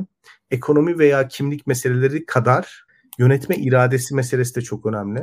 Bunu biz de programlarımızda defalarca söyledik. Bir arada durmak, sorunları çözme yeteneğine sahip olmak, medyaya çok konuşmaya hevesli olmamak, yanlış anlaşılabilecek yorumları e, ölçerek, biçerek yapmak, ittifakın aslında HDP seçmenini de cezbetmek zorunda olduğunu bilmek. Dolayısıyla HDP ile kimsenin barışmasını beklemiyoruz. HDP ile kimsenin ittifaka girmesini beklemiyoruz. HDP'nin kendisi bile beklemiyor. Bunu onu da söylemek gerekiyor. Ancak e, ittifaka bu seçmeni çekebilmeniz için yani HDP seçmeni çekebilmeniz için bu seçmeni irite et, etmemeniz gerekiyor. Yani en azından seçimlere kadar irite etmemeniz gerekiyor. Aday belirleme sürecinde rasyonel davranmanız, matematiği hesaba katarak ilerlemeniz gerekiyor. Ve toplumsal gruplara teker teker sözler vermek yerine yani her toplumsal mağdur olmuş gruba teker teker sözler vermek yerine hukukun üstünlüğü gibi, yargı bağımsızlığı gibi bu çok temel kurucu ilkelerden bahsetmeniz gerekiyor ki ittifak bir arada durabilsin. Şimdi bu bir aradalık seçimi kazandırır. Ayrıyeten siyaset yapmaya böyle çok e, hani e, olağanüstü kampanyalar yapmaya, seçim kampanyası yapan firmalara para yedirmenize gerek yok. Yani insanlar görüyor. Ama orada bir alternatif görmeleri gerekiyor. Arkadaşlar benim düşüncem bu. Yoksa enflasyonun hakikaten hayatlarımızı nasıl mahvettiğini görüyoruz. Bugün bir kilo salatalık 40 lira ve bir asgari ücretli 100 kilo salatalığa çalışıyor. Yani 100 kilo salatalık bir asgari ücretlinin bir aylık maaşına bedel. Yani bu çok saçma bir şey değil mi? Bir deste maydanoz 7 liraya falan satılıyor. Yani bu bu çok gayri insani bir şey. Bir kutu mama 250 lira.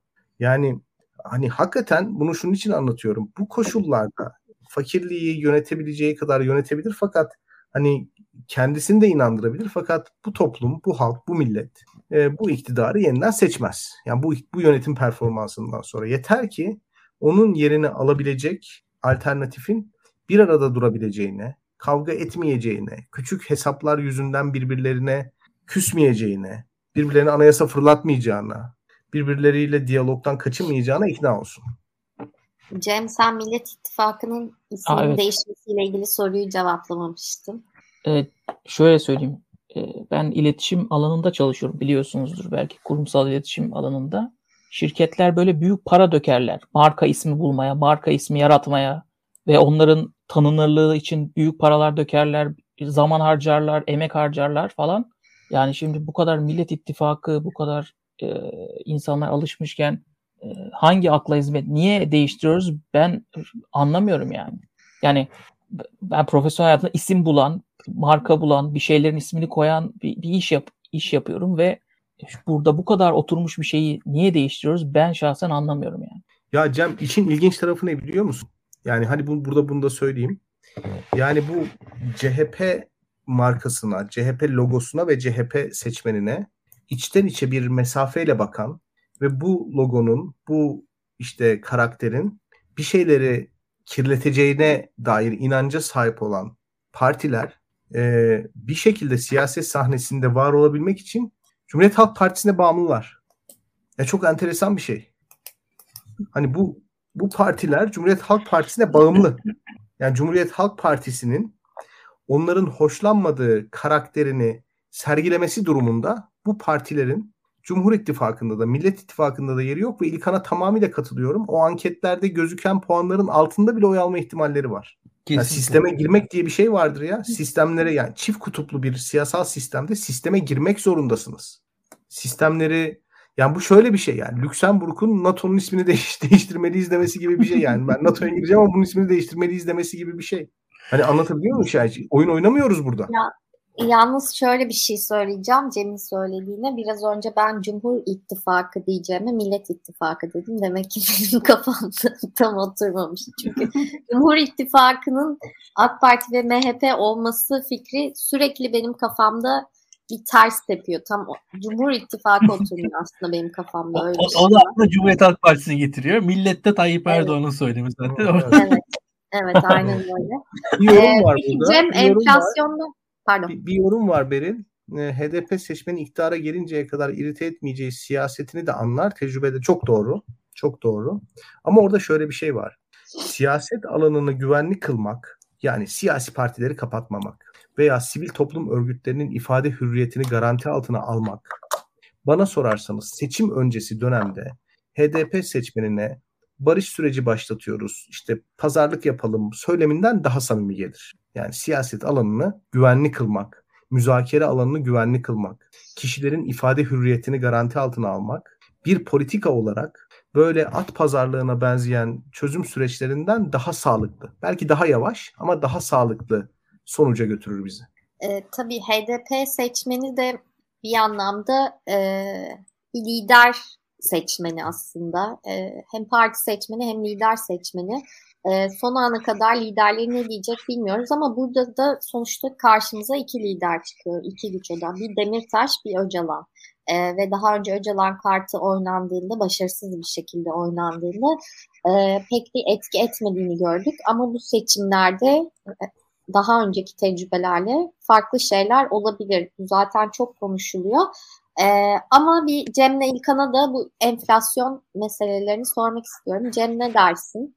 elektrik faturaları, doğal gaz faturaları ve enflasyon konusunda? Valla enflasyon konusu çok üzücü tabii çünkü reçetesi belli. Yani dünyada enflasyon bir sorun e, ve ekonomistler de bunu nasıl indiririz diye böyle büyük kafa yormuyorlar bunun. Çözümü ve reçetesi belli ve uygulanıyor. Dünyada da enflasyonla uğraşan birkaç ülke var zaten. Birisi de maalesef biziz. İşte ekonomiyi soğutacaksınız. Yani faiz artırıp ekonomiyi soğutacaksınız. Ve bir süre sonra enflasyonu düşüreceksiniz. Bu Türkiye özelinde 1-2 yıl olması lazım. Ee, o 1-2 yıldan sonra enflasyon düşüyor. Yani bu öyle büyük tartışmalara konu olacak bir şey değil. Ama bunun sosyal bedelini, siyasi bedelini de tabii ki ödemek istemiyor hükümet. E, ve bu yüzden e, bunları çekiyoruz. Yalnız şöyle söyleyeyim şimdi şey olarak zaman azaldı seçime. E, bir buçuk yıldan az kaldı. E, yani bu tempoda giderse maalesef e, ülke batsa da yani e, seçime kadar götürecek ellerinde malzeme var gibi duruyor. Şimdi burada şeyi ayırıyorum tabii yani. Seçimi kazanacak kadar bir ekonomi. Seçim kazanmalık bir ekonomi. Yani Türkiye'nin iyiye gitmesinden bahsetmiyorum. Kendi kendini döndürecek kadar sanki cephaneleri var gibi duruyor. Bu da biraz korkutucu. Ee, ben iktidarın seçime kadar yani ekonomi politikalarının o kadar uzun vadeli olduğunu düşünmüyorum ama değil. E, değil zaten. Bir buçuk, bir yıllık, bir buçuk yıllık. Yani o kadar kadar, kadar bile uzun olduğunu düşünmüyorum. Ee, İlkan sen ne dersin? Ee, bir defa İbrahim Kalın'ın söylemlerini vahim, çok tehlikeli, korkunç buluyorum. Türkiye'deki ekonomik krizin çok daha derinleşmesinin sinyallerinden bir tanesidir o söylemler. Türkiye'de çünkü bir doğalgaz fiyatı var, bir elektrik fiyatı var. Türkiye'de hükümet bu fiyatları düşüreceğini söylüyor. Şimdi bakın yani bu Türkiye'deki hükümetin hayatın gerçeklerinden tamamen koptuğunu, fantazi dünyasında olduğunu gösterir. Bunun sonucu ancak kara borsadır. Şu anki şartlarda bu fiyatlar artabilir. Daha az aşağı inmesinin yolu yoktur.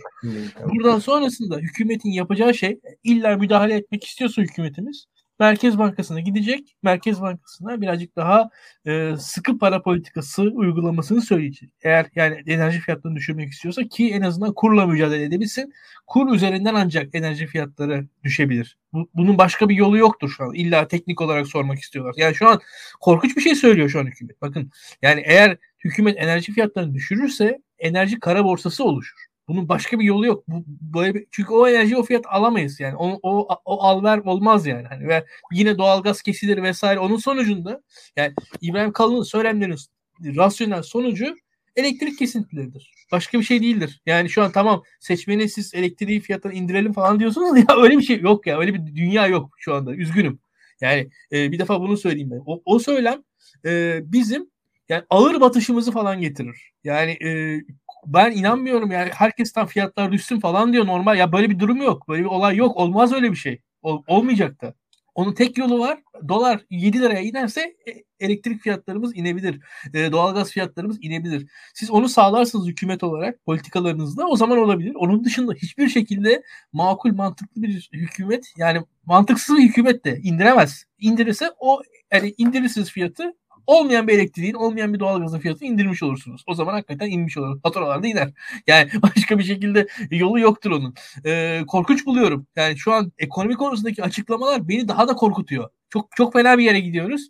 Yani bir buçuk yıl falan filan yani ben e, ya o, o noktanın ötesine gidiyoruz şu anda. Şu anda hakikaten gidiyoruz. Şu an ya yüzde onlardaydı resmi olarak enflasyonumuz. Şu an yüzde ellilere geldi TÜİK rakamlarıyla. Ya bunun sonunda yani e, öyle bir noktaya gidiyoruz ki biz e, belki de 3 haneli rakamlar olabilir Aralık başında falan dendiği sırada buna insanlar gülüyordu. Buna insanlar inanmıyordu ya o kadar da değil deniyordu. Yani işte kötümserler söylüyordu. Şu an yani e, çok olası bir senaryo haline geldi birkaç ay içerisinde. Yaşıyoruz bunları. Daha kötüsü gelebilir. Ee, ve hükümet karşımızda şöyle bir hükümet yok. Ee, olan biteni fark etmiş. Bir sorun var. O soruna çözüm bulacağız. Yani şu an enerji fiyatlarıyla hükümet ya marketlerdeki işte soğan depolarına bastığı gibi enerji fiyatlarıyla mücadele ediyor şu an hükümetimiz demek ki. İbrahim Kalın açıklaması bana onu e, hissettirdi. Yani korkunç bir şey o. Hakikaten soğan deposu basma mantalitesi enerji fiyatlarını hükümetimiz bastıracaksa e, geçmiş olsun. Yani bizim e, bundan sonra hiç bu program yapmanın da belki de manası yok. Bilmiyorum yani. e, bana korkunç geliyor bu. E, bu e, enflasyon konusunda da enflasyonun düşmesi yolları var. Doğru Cem çok güzel söyledi ama o yollar e, dünyanın her yerinde hükümetlerden oy götüren yollar.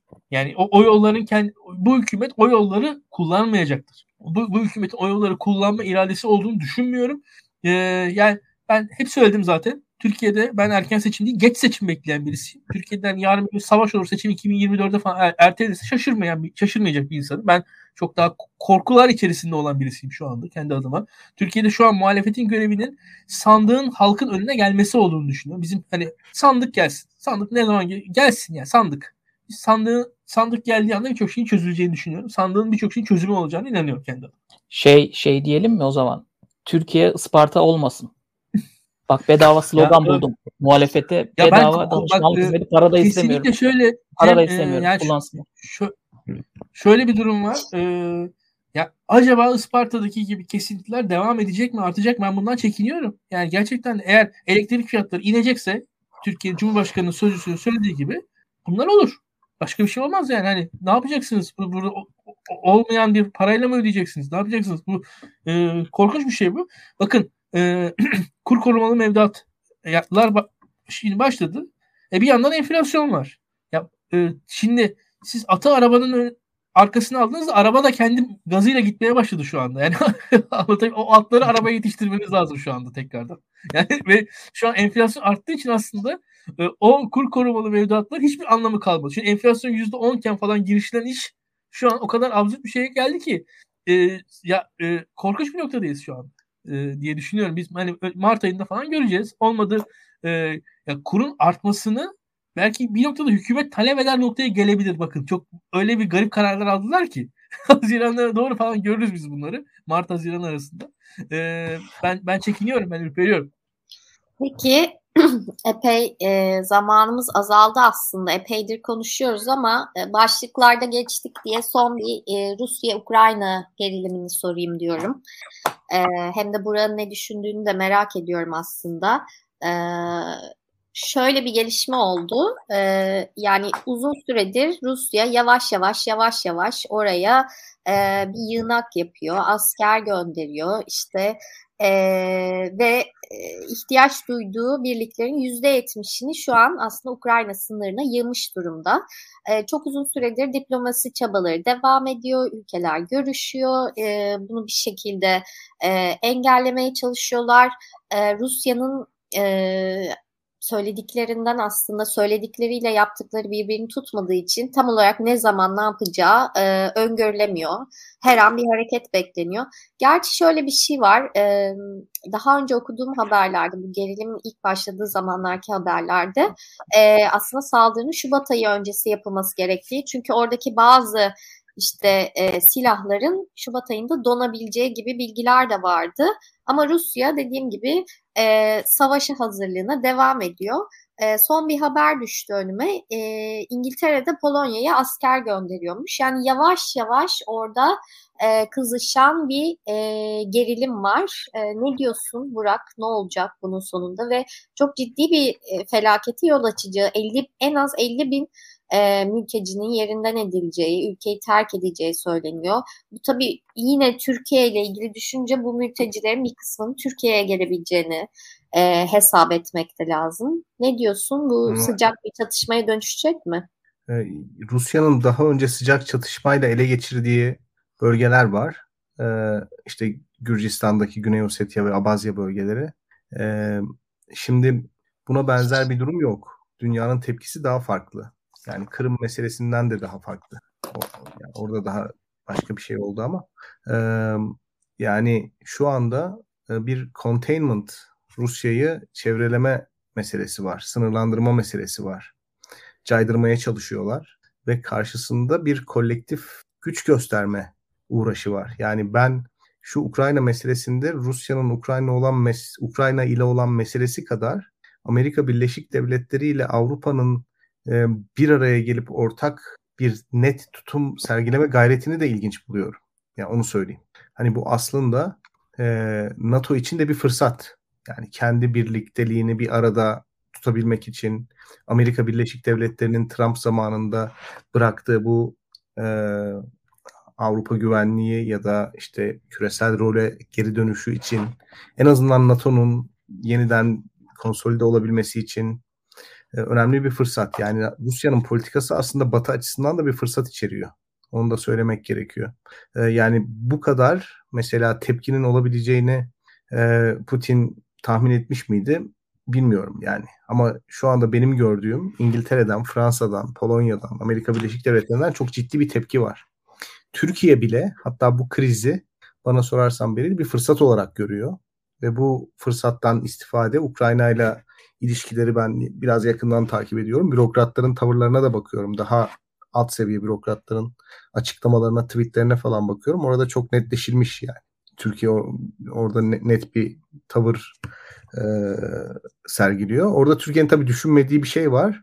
Suriye meselesi. Suriye'deki e, ilişkilere bu zeval verir mi? Yoksa Türkiye şöyle bir cinlik içinde mi? Ukrayna meselesini Suriye'de bir upper hand yani bir ne derler bir e, imtiyaz bir şey koparmak için mi kullanacak? Yani Türkiye acaba NATO'yu mu araçsallaştırıyor, krizi mi araçsallaştırıyor yoksa Türkiye yani Türkiye krizi araçsallaştırıp şöyle söyleyeyim Rusya ile arasındaki bazı ihtilafları mı çözmek istiyor yoksa Türkiye krizi araçsallaştırıp NATO ile arasındaki ihtilafları mı çözmeye çalışıyor? Yani öyle iki tane görüş var benim görebildiğim kadarıyla.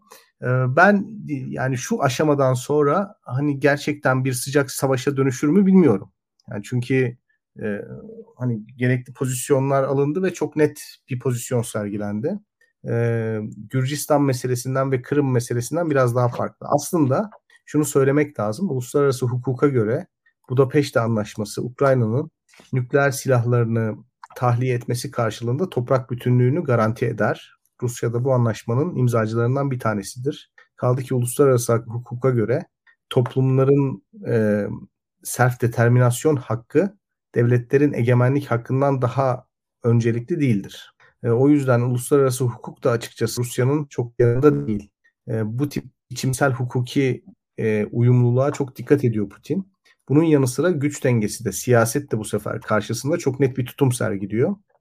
Ben dolayısıyla hani bana net bir şey söyle dersem böyle bir sıcak çatışmanın olacağı ihtimali düşük görüyorum. Cem sen ne dersin? Ee, ya bu Ukrayna'yı biz yakından takip ediyoruz çünkü cephe ülkesi.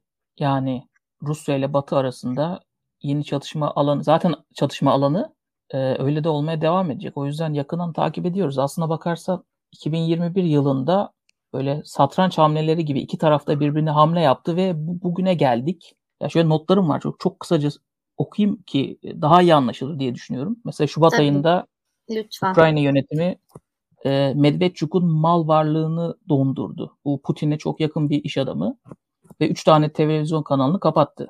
E, Haziran ayında yerli halklar yasası diye bir şey çıkardı. O da işte Ukrayna'nın yerli halklarını koruyalım, kültürlerini koruyalım e, konseptindeydi ama yerli halklar arasında Rusya yok. Yani Ruslar yok.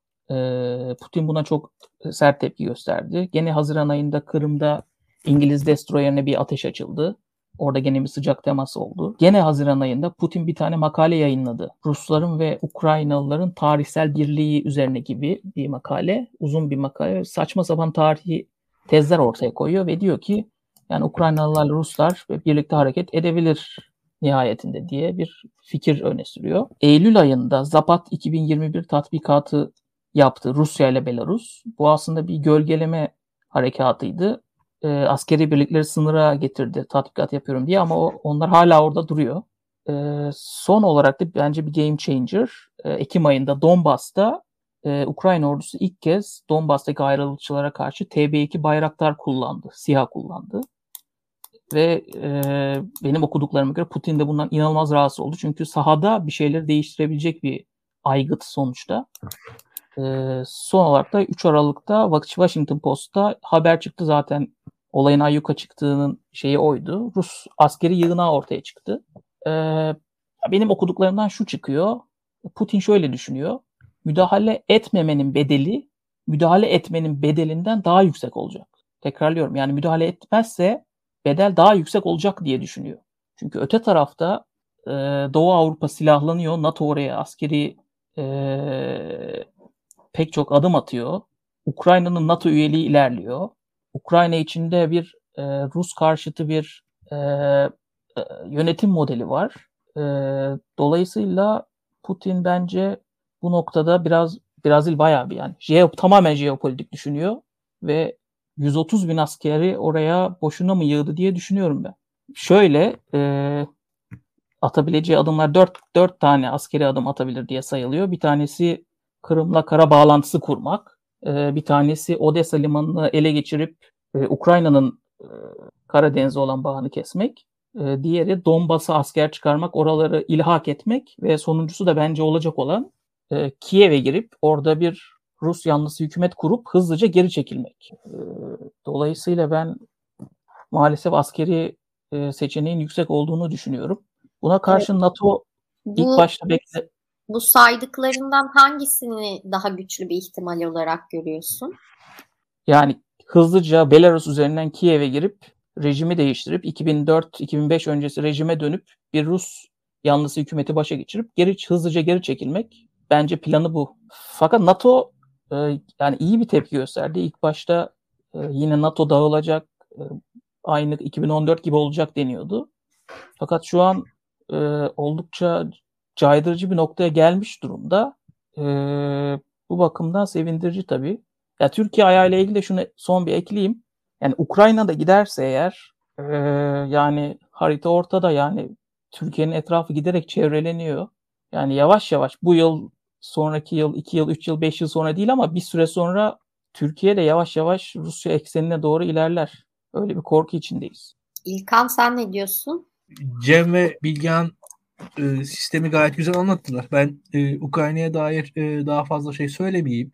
Ya yani bu çok ilginç hakikaten. Biz de böyle jeopolitik, jeostrateji öğreniyoruz. İşte Şubat ayında e, işte kimi askeri araçlar donar deniyor. Ama bir yandan da şu bu iş bahara kalırsa da e, Ukrayna'da geniş büyük nehirler var. O nehirlerdeki buzlar erir. O yüzden de orası daha da e, balçıklı şey olur. Oradaki aslında buz üzerinde ilerlemesi daha kolay diyenler de var. Böyle. Kışın daha rahat müdahale yapabilir Rus ordusu diyen bir yorumlar da var. E, biz de askeri strateji falan takip ediyoruz bir noktada artık Ukrayna anlayalım diye. İşte hangi Rus e, zırhlıları hangi nehirler üzerinden e, nasıl geçebilir falan bunları falan takip eder hale geldik ama ya, tüm bunlar bir yandan da e, yani benim açımdan şu var. Memleket bu haldeyken Ukrayna'ya fazla odaklanamıyorum ister istemez öyle söyleyeyim.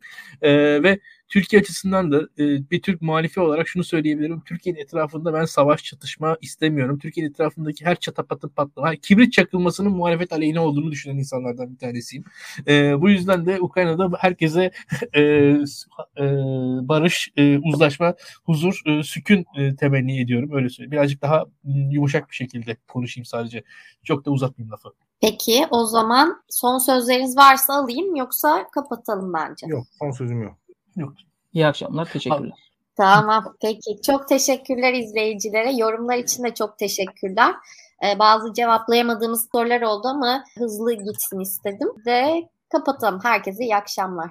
İyi akşamlar. İyi akşamlar.